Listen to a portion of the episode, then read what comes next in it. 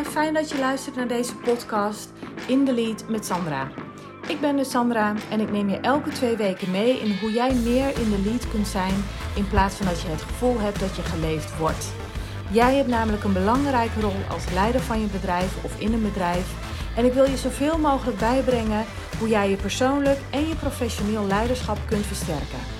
Om er te kunnen zijn voor jouw team en voor je bedrijf om je bedrijf goed te laten draaien, moet je namelijk optimaal presteren zonder jezelf te verliezen of uit te vallen.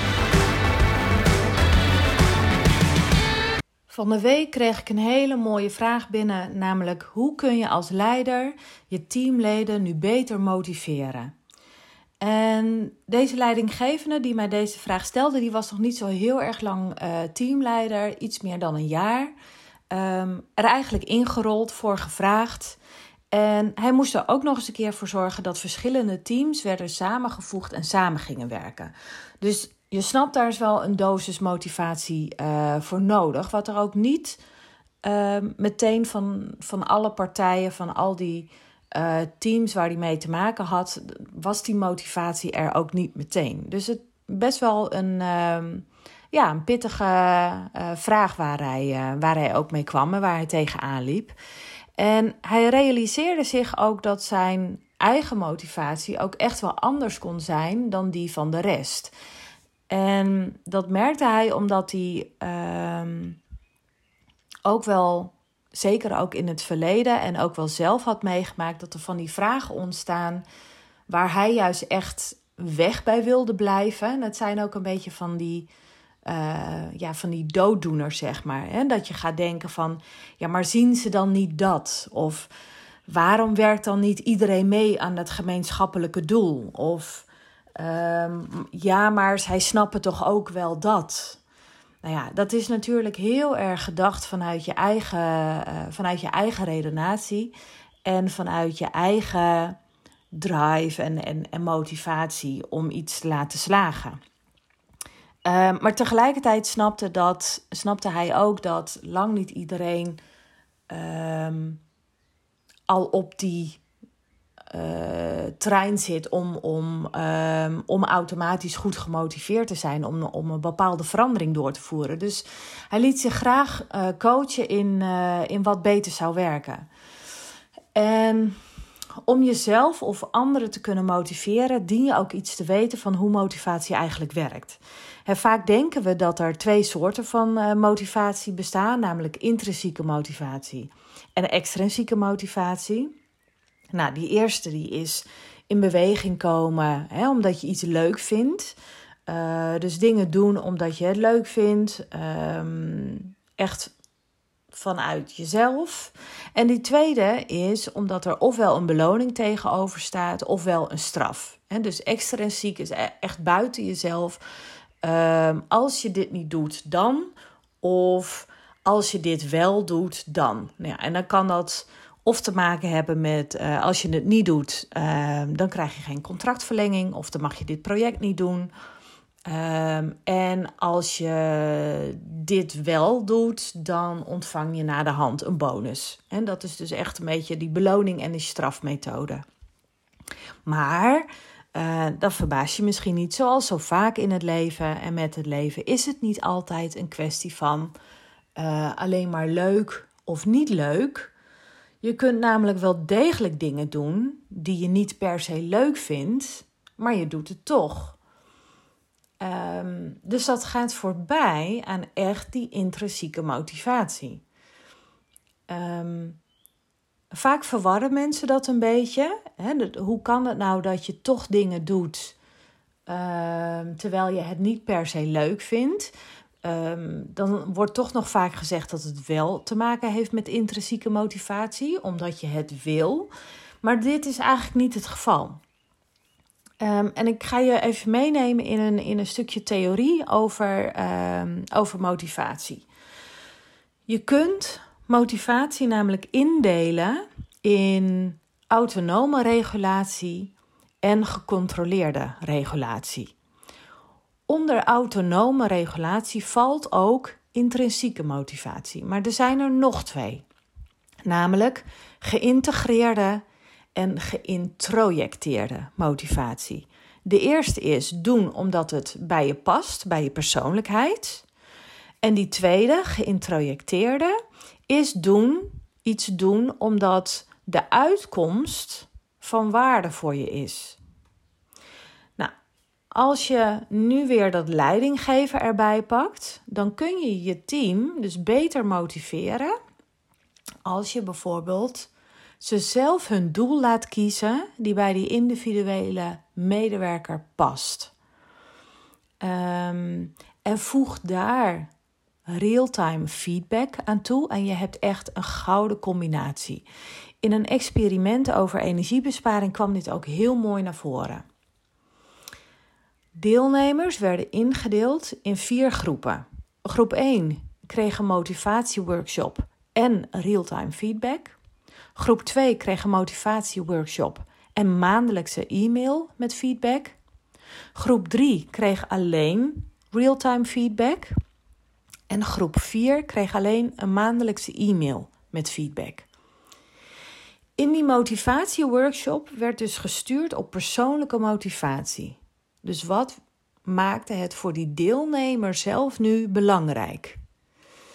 Um, als je weer even gaat nadenken over uh, die autonome regulatie, hè, zit dus intrinsieke motivatie onder, geïntegreerde motivatie onder en geïntroject motivatie onder.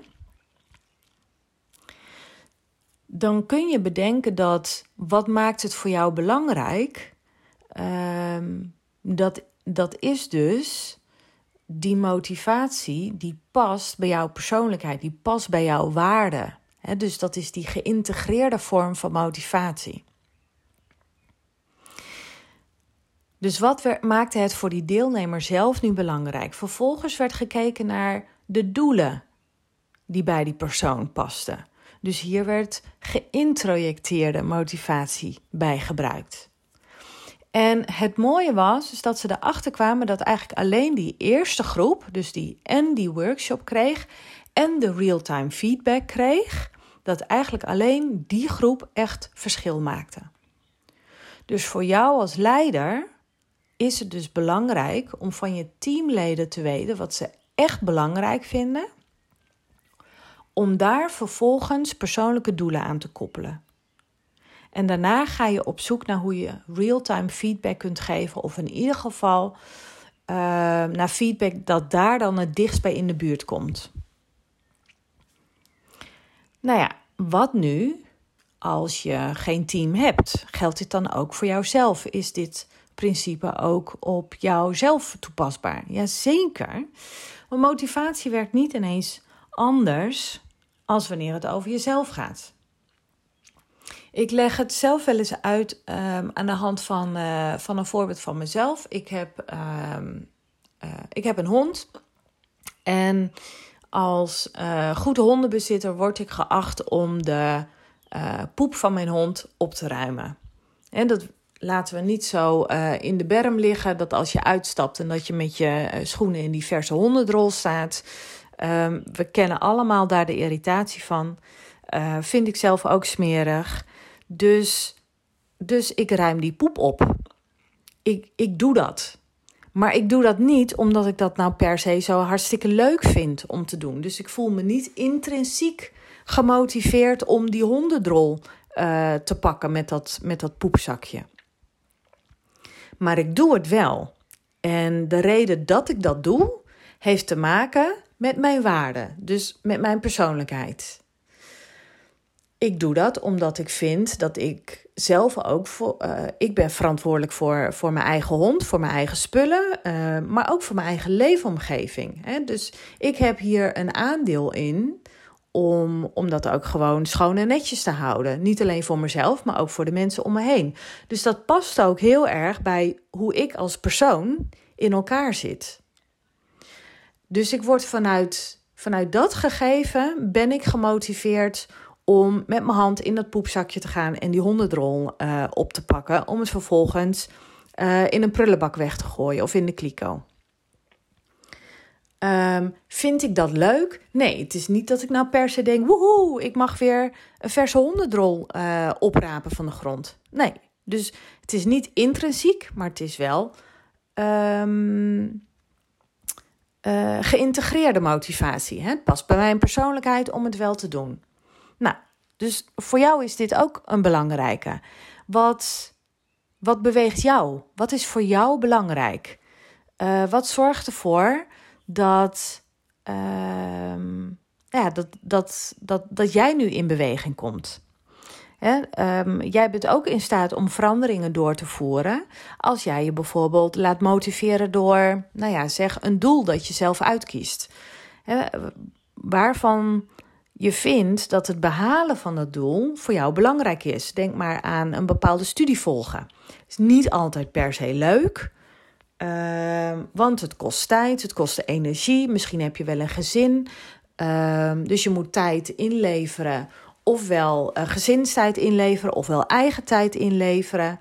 Uh, linksom of rechtsom je moet er tijd aan besteden wat je misschien weghaalt bij, um, nou, voor tijd voor jezelf of tijd bij je gezin.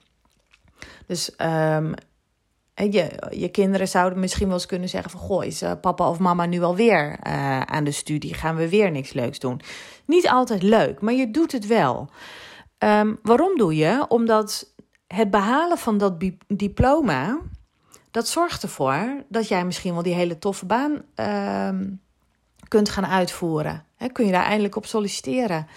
Um, of je kunt eindelijk die promotie krijgen waar je al zo lang naar uitziet. Dus die uitkomst, die is eh, waardevol voor jou.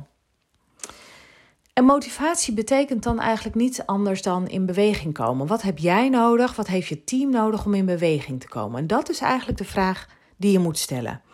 Als je weet wat jouw waarden zijn of wat de waarden zijn van je teamleden, dan zit daar dus een deel van die motivatie. Niet altijd makkelijk um, om te bedenken. En de, de, teamleider die mij deze vraag stelde: van hoe kan ik nou um, zorgen uh, dat mijn teamleden beter gemotiveerd zijn, helemaal als er ook nog eens een keer sprake is van verschillende teams. Um, nou, dat is, dat is best een ingewikkelde om te bedenken. Maar ook wat beweegt mij? Wat motiveert mijzelf dan?